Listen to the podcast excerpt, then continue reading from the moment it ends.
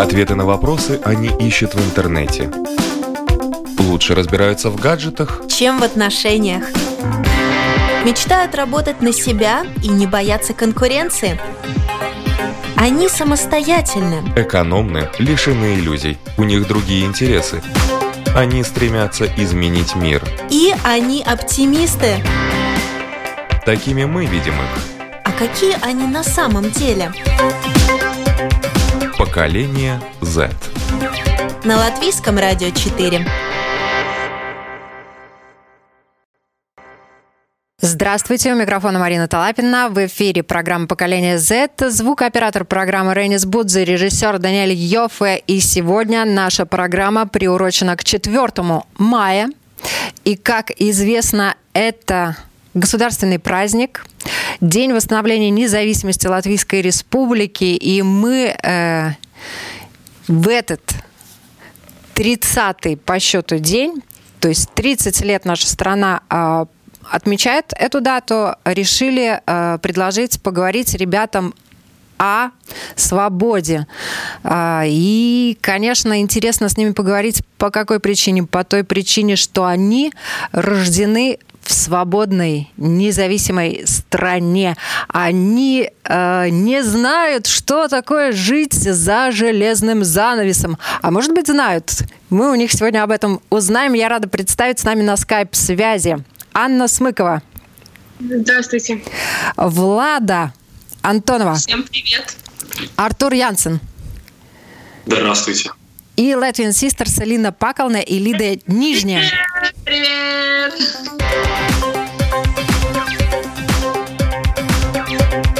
Поколение Z. Вы вообще, ребят, задумывались о свободе? Я думаю, что мы часто сейчас об этом э, задумываемся, особенно когда имеешь какие-то социальные сети. А, тебе, может быть, изначально кажется, что у тебя много свободы, но ты понимаешь, что или ты, ты сам себе устанавливаешь какие-то рамки дозволенности, и все-таки понимаешь, что где-то немножко и там поджимает. Поэтому, но это немножко такое, если сравнивать с, тем временем, о котором вы до этого говорили, конечно, это несравнимо. Вот, но сказать, что у нас есть вседозволенность, я бы этого не могла. У кого еще какие э, мнения и размышления по поводу свободы? Ну вот э, с какой-то стороны свободы стало даже очень много, да, с приходом интернета в нашей жизни ее даже стало больше, чем, может быть, могло бы быть, да, но Э, но есть и обратная всегда сторона медали. Все-таки мы можем показать как другую реальность, другую свободу другим людям, но это не всегда правда. Вот такая, такая может быть псевдосвобода в интернете. Ну, я могу э, при помощи, допустим, социальных сетей убедить других людей, э, что я вот занимаюсь э, тем-то, тем-то, что я такая-то и такая-то, да. И по факту, может быть, так оно и не есть на самом деле. Вот принципе, э, так э, манипулировать чужим мнением стало гораздо проще через интернет. Артур, что ты думаешь? Ну, обширный вопрос свободы, но если касаемо интернета, то все масштабируется. То есть если раньше ты все время жил и мог разговаривать там, с несколькими людьми, которые живут в паре кварталов от тебя, то сейчас ты можешь, допустим, иметь доступ к библиотекам огромным-огромным зданиям. То есть э, много очень того, чего обычный человек раньше мог не знать, не догадываться. И, соответственно, в 20 веке к концу начинают даже появляться такие, как понятие информационная война и mm-hmm. подобные штуки, потому что, ну, много свободной информации, больше знаешь, лучше живешь. Ну, вначале ты плохо спишь, но потом ты лучше живешь а как бы, чтобы все хорошо жили, это не очень хорошо, поэтому нужно делать какой-то информационный мусор. Поэтому свобода, если знать, что искать и знать, чего ты хочешь, то есть иметь какую-то самоидентификацию, тогда на тебя не действуют определенные штуки, и ты можешь реально быть свободным в этом информационном мусоре в какой-то степени. Ну, к информационному мусору мы еще вернемся, а хотелось бы поговорить вообще, э, что э, для вас свобода без относительно к интернету, вот свобода, само слово, это что для вас значит? это более растяжимое понятие. Я думаю, что у каждого все-таки она своя, потому что для многих людей, то, что для многих людей является свободой, для других это может являться тем же рабством, к примеру, да. А, и вообще свобода это, по сути, это иллюзия, ее как бы и нету. Она как бы есть, но ее как бы и нет. Мне кажется, а, перемены, которые произошли а, за последние 20 э, там, лет, 30, это то, что люди стали не бояться себя самовыражать и признаваться себе, кем они есть, кто они такие, чем они хотят заниматься. Было много закрыто, многого приходилось э, стесняться, не рассказывать. Э, запретов много. Запретов было много, да. То есть сейчас э, все смело заявляют, я такой или я такая, я так хочу быть. У нас же очень много разных движений то есть э, хотите люди... принимать, хотите не принимать. Да, там, не знаю, free child, там, так далее. Ну, то есть э, они просто не боятся ничего, они идут. И что самое интересное, мне кажется, что человек, которому, я не знаю, я там была за границей, какое-то время жила, и мне казалось, в Австралии я была, в Сиднее год. И там мне казалось, даже человек, который любит завязывать шнурки, он найдет еще 10 человек, которые любят завязывать шнурки. Вот такой вот был. Мне казалось, что каждый человек может себя найти вообще во всем. То есть не было никаких границ, и мы потихоньку тоже к этому идем. А хорошо это или плохо, я не знаю. Иногда мне хочется что-то немножко э, прихлопнуть и сказать, э, успокойтесь, но это имеет место быть сейчас. Ну вот это интересный момент. Вот когда тебе хочется прихлопнуть и сказать, я стоп. Я не люблю э, навязывание на детей. Я это не люблю. То есть э, очень много сейчас стали э, взрослые решать э, за детей. То есть им кажется, что они дают им полную свободу, но они вводят детей очень большое заблуждение. А мне не нравится, когда люди, ребенка, то есть он еще формируется. Конечно, сейчас у нас миллион э, книжек, и всем у нас есть доступ к детям, так как мы, в принципе, наша аудитория детская. Вот. То есть я не люблю, когда ребенок попадает под какое-то влияние или даже под влияние своих родителей, потому что они защищают э, и какую-то мораль. Свою правду. Да, или у них какие-то может, это, не знаю, какие-то свои взгляды на ориентацию и так далее. Мне не нравится, когда это навязывают, особенно за рубежом, когда дети уже там в 7 лет э, решают, что они другие. Я считаю, что им нужно время. Но вообще то, что касается родителей, они отвечают э, за детей до совершеннолетия как минимум, да, и там есть некоторые моменты, которые они э, навязывают, э, исходя из, например, безопасности, да. Да, это конечно, это конечно. Просто мне кажется, может мне кажется, я не знаю, как люди жили 50 лет назад, и может там были просто такие же проблемы, но они тогда прихлопывались. И мне кажется, что и поколения, может, какие-то были более... У нас же сейчас э, очень много э, всяких невропатических, психологических, от чего у нас вот это вот все у каждого второго. От переизбытка просто этого всего. Они уже в 15 лет задаются такими вопросами, что я в 15 лет об этом вообще еще не думала. То есть, мне кажется, на них э, вешают очень большую ответственность выбора, и они просто теряются в этом. А кто должен выбирать вместо детей? Я думаю, что вообще э, нужно очень чутко относиться к своему ребенку и э, не делать резких поворотов. Вот свобода от родителей – это тоже такая интересная тема, да? Когда ребенок вообще, когда вы начали задумываться о, о об освобождении от родителей, о свободе? Элина вот э, у нас, допустим, хочет с мамочкой жить до 30, там, да, до 25. всю жизнь, да. У нее вообще мамуля там, все нормально. А ну, этот человек, не знаю, мне хотелось свободы. Я вообще была жутко свобода. Да и до сих пор свободолюбивый человек, поэтому я не знаю, честно говоря. А во сколько лет ты сказала маме, мама? В 17 я ушла из дома. Ну, конечно, боже мой, сейчас я как вспомню, это просто э, смешно, но тогда было много обид за. Но уже я, я же там не, недалеко ушла, она знала, где я, в какой я квартире, и там как бы все было под контролем. И, ну, во мне было много, наверное, экспрессии какой-то, меня надо было куда-то деть. Артур. Не знаю, с самого, с самого детства, наверное. У меня просто в какой-то момент я так начал анализировать, что у меня была такая гиперопека от родителей. То есть, если я был у бабушки, то там за двор не заходи куда-то, но я брал, наоборот, уходил там в лес, там штабики строили всякие. То есть это проявлялось во многих деталях. То есть там, допустим, финансовая независимость, у меня была стипендия, я копил себе на некоторые штуки, сам пытался купить. Э, ну, в общем, становиться не то чтобы свободным, скорее независимым, потому что ты берешь и решаешь некоторые вещи, которые объективно тебе не вредят, там, ну, не какие-то там сумасшедшие вещи обычные, а именно если отвечать ушел, когда я от родителей ну, стал свободным. Это 20 лет я как раз поехал учиться в Данию. Вот. И после этого, в принципе, я вот живу, как-то существую один. Ну, конечно, к ним заезжаю частенько. А отношения стали ближе после того, как ты отделился? Да, они всегда вроде как были близкими. Ну,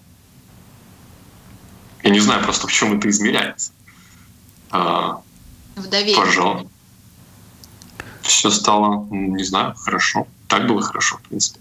Но все равно еще чувствуют такие, там, о, там, поешь, там еще что-то, ходи туда, туда, там еще что-то.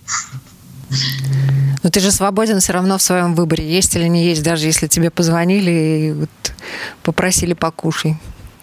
Ну да, мне сейчас это как в шутку сказал, как будто дань, не знаю, как родительская инерция, которая уходит во всю жизнь. Когда родители становятся бабушками, особенно это может усиливаться. Влада. А, я скорее скажу так, я работаю с детьми, да, вот опять же возвращаясь к теме детей, э, пять лет э, преподаю детям и постоянно сталкиваюсь с тем, что вот э, если задавать какие-то вопросы на какую-то абстрактную тему, и где нужно именно выразить свое мнение, да, какое-то творческое, какое-то социальное, э, где нету, в принципе, правильного ответа, где ребенок решает для себя сам, Э, чаще всего дети боятся сказать свое мнение, вообще высказать его, потому что они считают, все, что они не скажут, прозвучит, скорее всего, глупо, нелепо, и это будет неправильно. Хотя ты вот начинаешь им объяснять, здесь нету правильно, неправильно понятия. Вот э, это такая проблема, которая уже, по-моему, перешло уже на следующее поколение людей, когда мы реально боимся высказывать свое мнение, как оно есть, и а, прячем. А вот вопрос, дети какого возраста? Потому что дети там, я не знаю, до лет 7-8, может быть, даже 10, они очень непосредственно и открыто заявляют о том, что они думают. Дети э, какого Я возраста? Я работала с возрастом от 7 до 17 лет.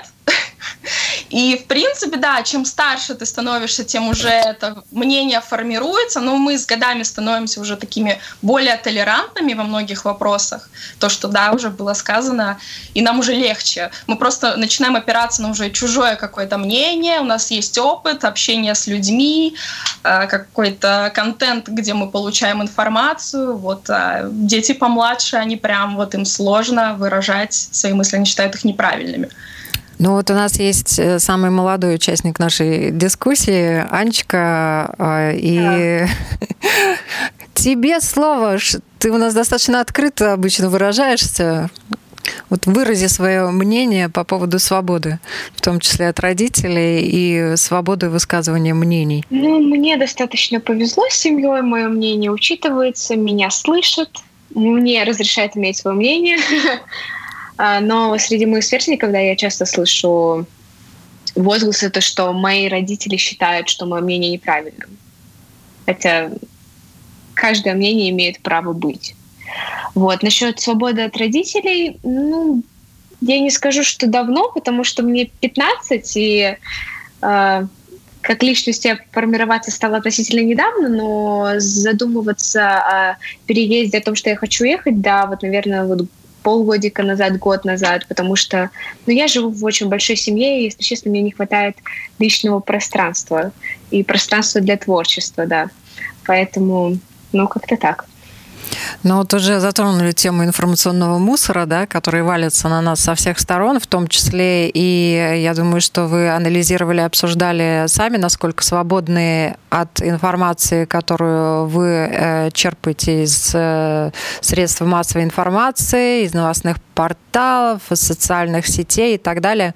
Одно из новейших исследований Института социальных и политических исследований факультета социальных наук Латвийского университета свидетельствует о том, что 6 из 10 молодых людей в возрасте от 16 до 24 информацию об актуальных событиях в нашей стране и в мире получают из социальных сетей, а 9 из 10 из новостных порталов. Ну, это, собственно говоря, нормально. Сейчас все получают практически все информацию из интернета. Я не знаю, вот этот один из десяти э, людей либо по-моему, наверное, вообще не интересуется информацией как таковой, вот, либо занимается чем-то другим. Но наших коллег эти цифры оставили неравнодушными, и они э, решили, вот журналисты Латвийского радио с коллегами портала общественных СМИ lsm.lv решили помочь народу хотя бы задуматься о том, какой информацией молодежь питается, из чего она состоит, что э, такое э, фейк, что такое истина в интернете, кто такие ньюсмейкеры,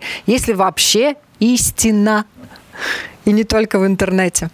И для э, развития медийной грамотности школьников э, уже появился игровой тест, который называется «Мозгомойка».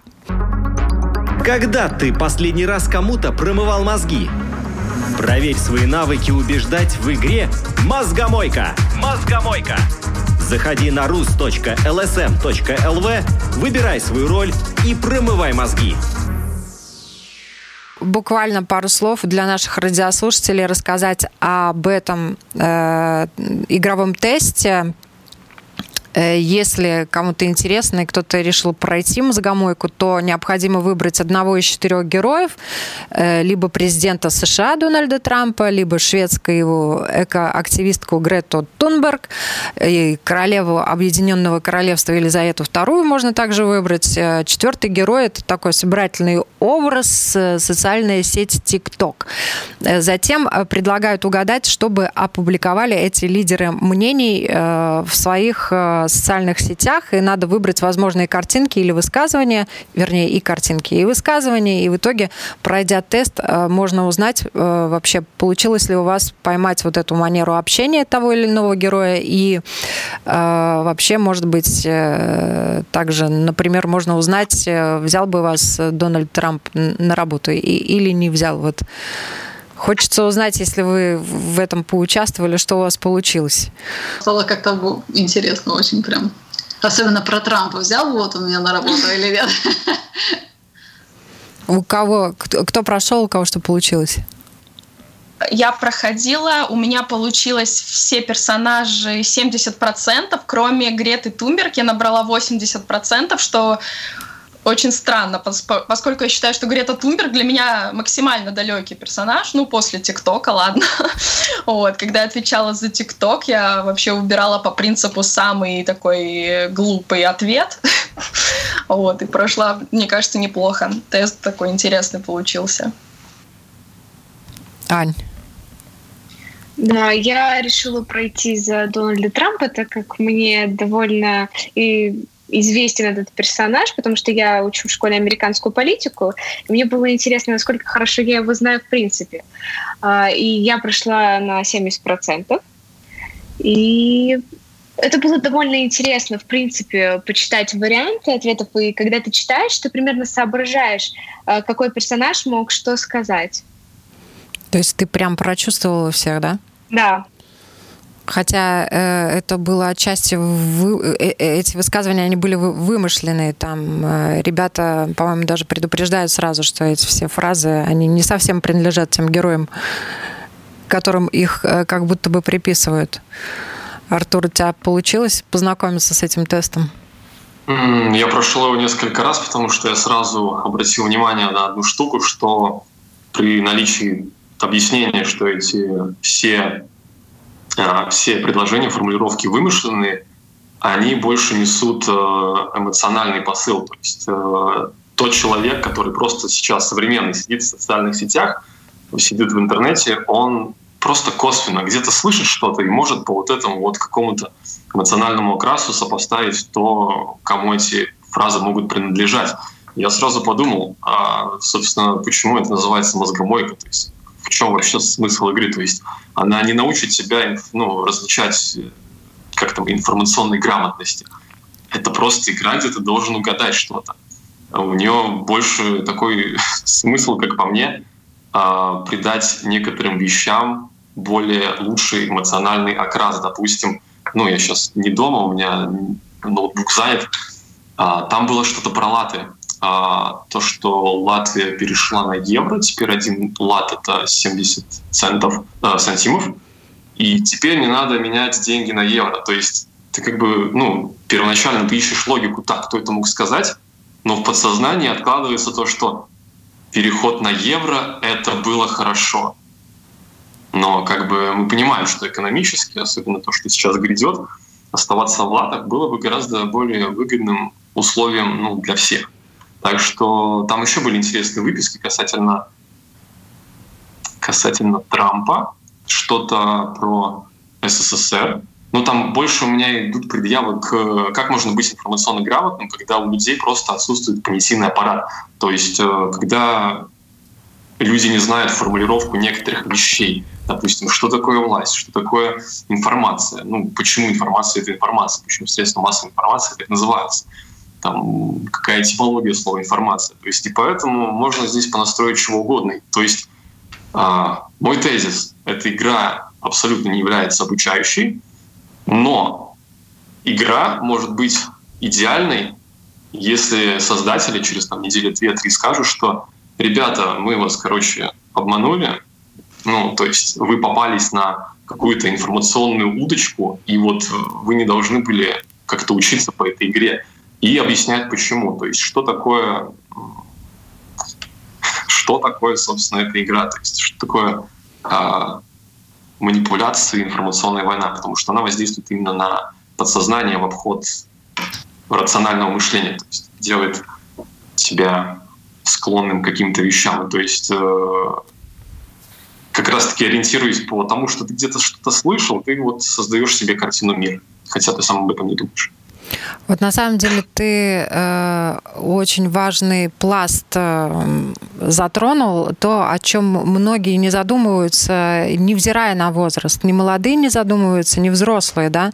Они потребляют информацию, потребляют, охают, ахают. А если копнуть глубже и начинать анализировать, что, собственно говоря, эта информация несет тебе, что она тебе дает, вообще зачем тебе эта информация, да, то у многих э, людей представление отсутствует. Мне очень нравится, когда начинают э, люди охать по поводу того, э, что происходит в Америке, хотя живут совершенно в другом полушарии и, собственно говоря, зарабатывают там, я не знаю, деньги совершенно простыми способами, на которыми события, на которые события в Америке таковые-то не влияют. Вот вообще хочется сказать вам спасибо огромное вы сегодня собрались в такой интересной компании. У нас Latvian Sisters, да, Илина и Лида. А вы являетесь сами ньюсмейкерами, да, вы популярны в ТикТоке, на Ютубе, и у вас там около 60 тысяч подписчиков, может быть, даже уже больше. Вот. Также Влада фотограф и видеограф, и у нее тоже есть канал на Ютубе, и называется «Общая территория» и тоже несколько десятков тысяч подписчиков. У Артура э, у тебя несколько каналов, и интересный есть аккаунт в Инстаграме с твоими работами, Янсон Арт, да. Я к чему все это говорю? Вы вещаете в массы. Вы даете информацию. Вы выбираете темы, которые закидываете в головы в мозг своим почитателям, поклонникам, зрителям, слушателям, которых наверняка у вас прибывает, да? И в связи с этим вопрос, как вы выбираете эти темы? Скажу за нас. А, тут прозвучала такая фраза э, от Влады, по-моему, что когда она выбирала ответы в ТикТоке, она выбирала самые глупые ответы. А мне, конечно, это очень не нравится, я обязательно тебе на это отвечу, что там ответы простые. Потому что ТикТок — это о простом. Потому что там сидят дети. А поэтому они не глупые, а простые. И это их интересы. Это раз. Во-вторых, а, к теме. А, так как а, ТикТок — это о простом, еще раз я скажу, и мы выбираем темы повседневные. То есть нам очень нравится улыбать, очень нравится веселить, и очень хочется, чтобы нас узнали себя. Э, это очень важно. Конечно, мы... Эм, мы не навязываем свои э, мысли. Мы с ними делимся, но это больше в Инстаграме. Э, мы рассказываем свое мнение, но мы никогда не говорили, вы должны думать точно так же, как мы, там, не знаю, делать то же самое. Нет. Ну, мы такие очень-очень, а, так сказать, э, лояльные. Да. да. И мы довольно отличаемся от э, русских тиктокеров, потому что там сейчас э, все очень... Э, там просто максимальная манипуляция. Там очень большие сейчас компании туда вошли, там собрали ребят, сделали э, комьюнити, и ты понимаешь, что там уже сидят большие дяди, и все это уже плохо. И нам это страшно, потому что мы туда вообще с другим посылом пришли. И, конечно, у нас нету практически никаких э, факов, не говоря уже о мате. Э, то есть э, мы очень фильтруем, и я нашим контентом очень довольна, потому что он веселый, он простой, Дружный. Э, да, он э, никого не грузит, и поэтому у, меня э, есть э, слово, можно я тоже вставлю. Мне очень понравился э, ваш контент. Э, реально, он действительно легкий, свободный, и э, у вас много там всего. И мне понравилось как раз, когда сидели дети с родителями, и дети рассказывали, что у них там в ТикТоке, и родители, кто-то знал, кто-то не знал. Дедушка там э, вообще не понимал, собственно говоря, что происходит, что внучка, оказывается, прогуливает. Ну, это говорило на самом деле о том, вот какие классные отношения у этих ребят с их родителями, что они им позволяют, что они им не позволяют, потому что я знаю, что есть дети, которым родители, например, запретили аккаунт в ТикТоке содержать, и они попросили, наоборот, чтобы закрыли, причем закрыли а, не а, потому, что они что-то там увидели, им не понравилось, потому что другие родители увидели, им не понравились, не понравилось, они сказали, ай-яй-яй, чем там у вас ребенок в ТикТоке-то занимается? Ну, а, поэтому, может, когда уже это видео зашло, оно набрало полмиллиона просмотров, это самое большое наше видео реакция родителей на ТикТок. Мы начали снимать подобное, и я в прямом смысле э, вылавливала людей на улице. То есть с нами фотографировались, и я прям брала этих родителей. Я понимала, что если я при ребенке сейчас предложу ему, это манипуляция, конечно же, что он может попасть в наше видео, родители мне отвертеться, и я прям в прямом смысле просто э, брала этих отцов, потому что мы с папами потом делали, и все, им уже не отвертеться. Вот. На, нам надо было, они были потом очень очень довольны на самом деле. И мы сделали маленькую хитрость потом. А, мы а, убрали детей из кадра. И вторую часть а, этого шоу мы показали, что они видят. что в ТикТоке есть пошлость, что там есть мат, что там э, не все так радужно, и в рекомендациях это то, чем я недовольна. И я это показала. Я говорю, вы понимаете, что ваш ребенок это видит. И, конечно, они были просто поставлены врасплох. Но не все не все были, да, а кто-то там, папа, который вообще, оказывается, тоже там снимал и так далее. Конечно, э, им стало неловко. Я этого добивалась. Мы хотели поставить их в неловкое положение. Вот, тем, что они э, увидели, и я знаю, что они знают, что дети это видят. Но, с другой стороны, ограничить своего ребенка от всего сейчас – мы не можем. Он не увидел это в ТикТоке, ему принесли это в школе и показали в ТикТоке. Он не увидел это там, ему принесли это, показали в Инстаграме. Ролики все одни и те же, все снимают одну тему, если она зашла. То есть она все равно до этого детского ума дойдет. Ну вот еще раз а, мы приходим к тому, что все-таки обучать э, медийной грамотности надо, и, наверное, уже со школьной скамьи, да, как как вообще воспринимать информацию, как выдавать информацию о здоровой цензуре информации, от чего себя огородить самому. Да, э, вот, ребят, э, Влада, Артур, э, вы тоже медийные личности. Да, вот как вы работаете с информацией? По поводу фактов, которые вы даете людям, да, вот насколько они взвешены, насколько вы там действительно проверяете все это? Скажем так, э, я мало вообще делюсь информацией, потому что потому что никогда не знаешь какие-то последствия. Допустим, э, раньше я делал больше развлекательный контент, то есть 50 на 50 были какие-то разные штуки, и были, скажем так, ну, миллионы просмотров на некоторых видео. Э, но потом я понял, что я хочу нести что-то хорошее, доброе в свет. То, что я переварил через себя, увидел кучу косвенных фактов, подтверждений, и могу уже конкретно говорить на какие-то темы. То есть Вначале я решил, что я хочу более узкую направленную аудиторию, каких-то единомышленников, которые смотрят на жизнь ну, с вопросом, что вообще происходит, нежели чем тебе пишут в личку тысячи миллионов школьников, которые «А, когда следующее видео?» Ну, грубо так, условно я говорю, конечно. Как темы подбираешь? Да, вот у тебя там тоже есть темы такие, ну, они достаточно хорошо раскрыты, э, и я думаю, что они для молодежи актуальны, и лучше давать эту информацию максимально профессионально, но вот э, про то же воздержание, да, э, Достаточно интересная тема дается, рассматривается, раскручивается, но к ней надо было прийти, правильно? Тебя этот вопрос должен был возбудить ну, в хорошем смысле? Я, я всю жизнь э, пытаюсь э, попробовать что-то, потому что что, ну, опыт, он всегда несет какую-то пользу, особенно эмпирически. То есть у меня были моменты, когда я месяц мог не слушать музыку, месяц слушал какую-то конкретную музыку, там ходил целый день с закрытыми глазами, пытался понять, что думают слепые, то есть как-то э, развивался, можно сказать, с разных сторон.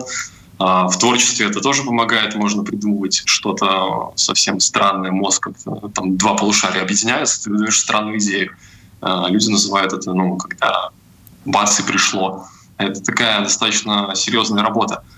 Что же касается контента, ну, хочется делиться с чем-то, но я выработал для себя такую стратегию, что можно делать и делиться одновременно. То есть ты ничего не навязываешь. Ты как вот человек, которого скинули с парашюта на остров, на остров воздержания, на остров экспериментов, я не знаю, ты показываешь, что ты делаешь и как на себя это влияет, почему что-то и как. Потому что часто бывает, что ну, у людей там эндорфиновая там, система поощрения в мозгу зашкаливает, и они сразу становятся какими-то пророками, начинают говорить, делайте вот так, вставайте вот так, мне это помогает, это круто это ему точно помогает, потому что он сразу стал э, воодушевлен максимально. Но вот тут-то и кроется такая, не знаю, ловушка. То есть я хочу быть каким-то более-менее объективным, но это невозможно. Поэтому я мало чего делаю, потому что я не знаю глобально, на каких уровнях я могу внести какую-то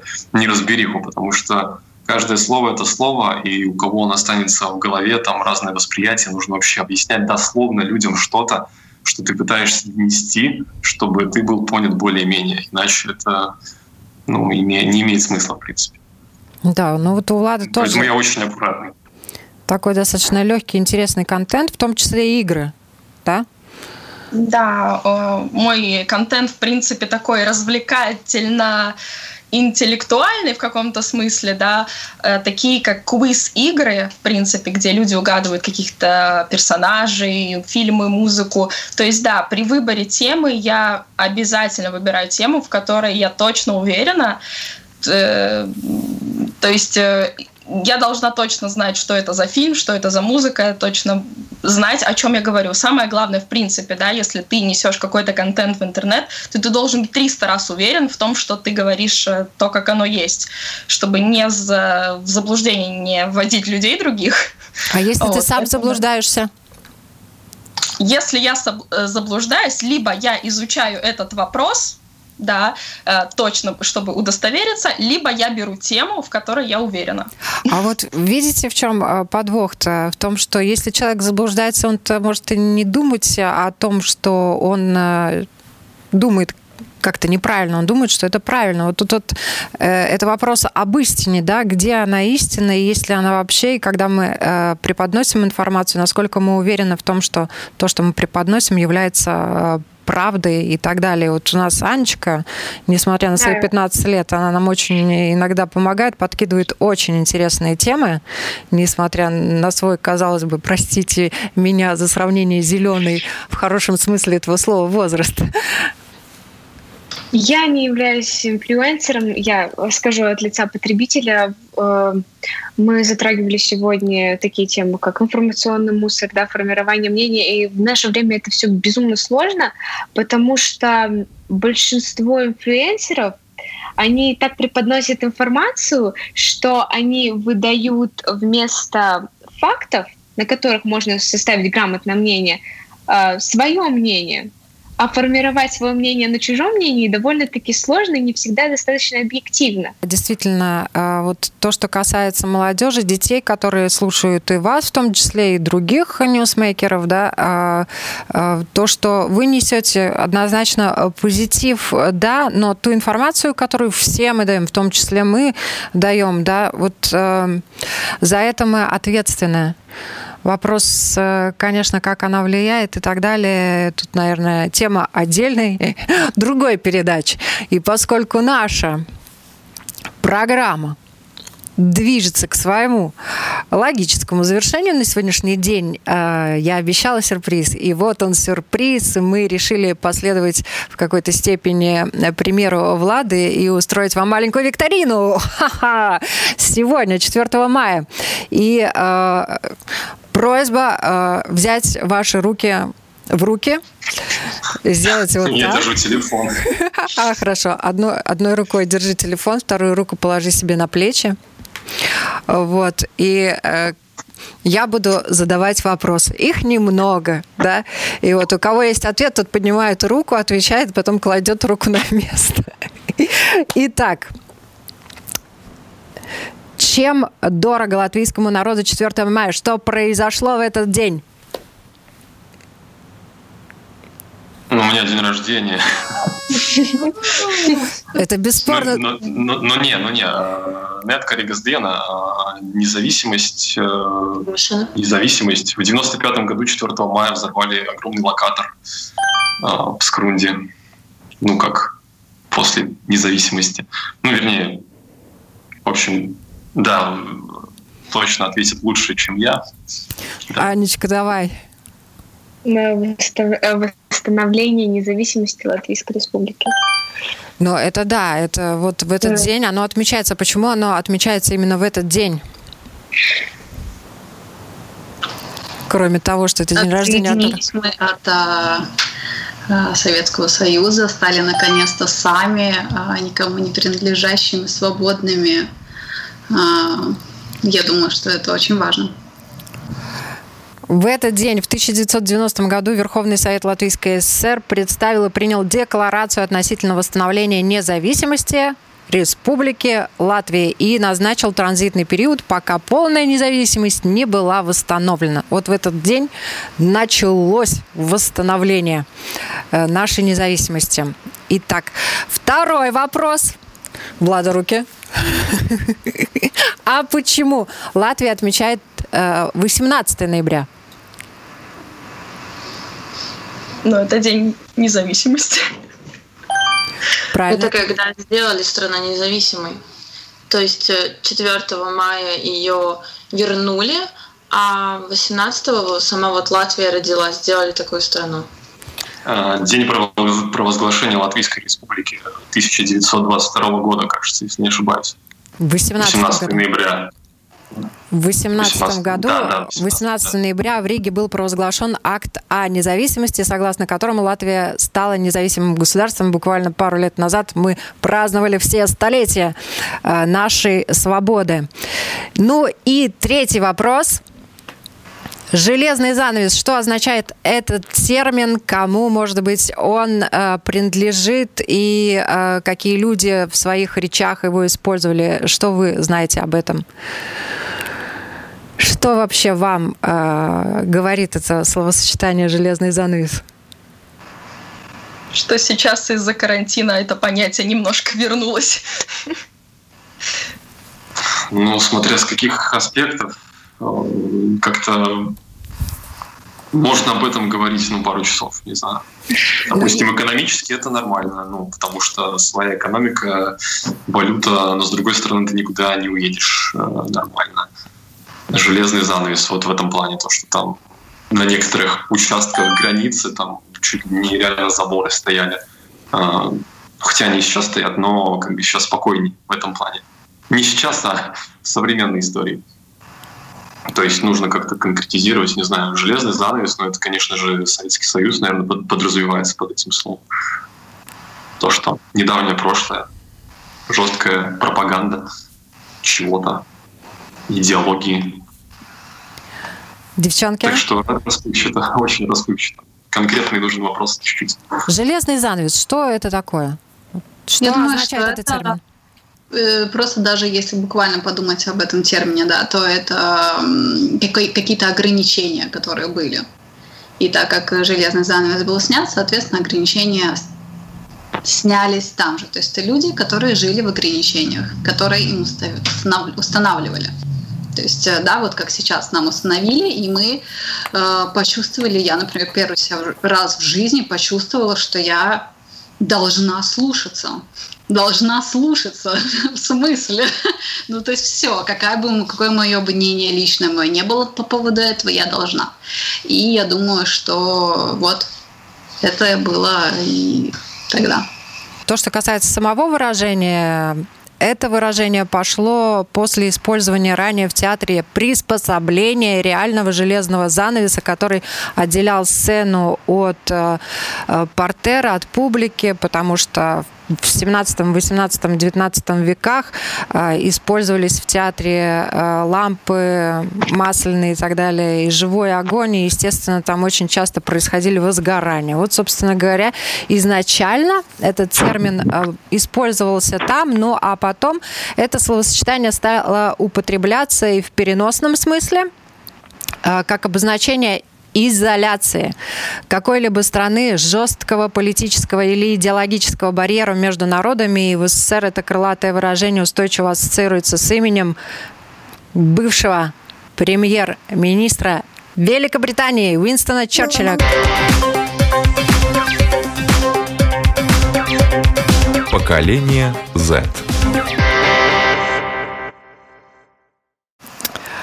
Мы сошлись в едином порыве и решили, что приз э, достается э, каждому из вас. И приз у нас сегодня это свободное посещение студии программы «Поколение Z» каждым из вас. И э, каждому из вас э, будет отдельно посвящена программа о вашем творчестве, о вашей работе и о том, чем вы занимаетесь.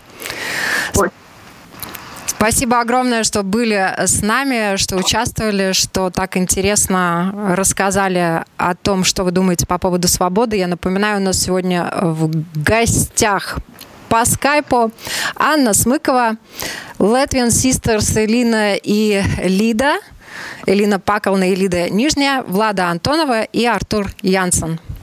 Ну и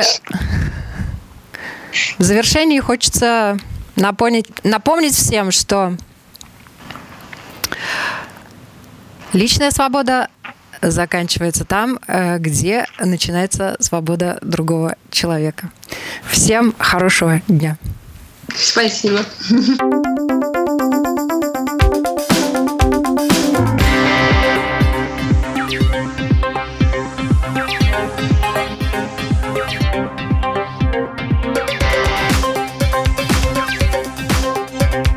Поколение Z.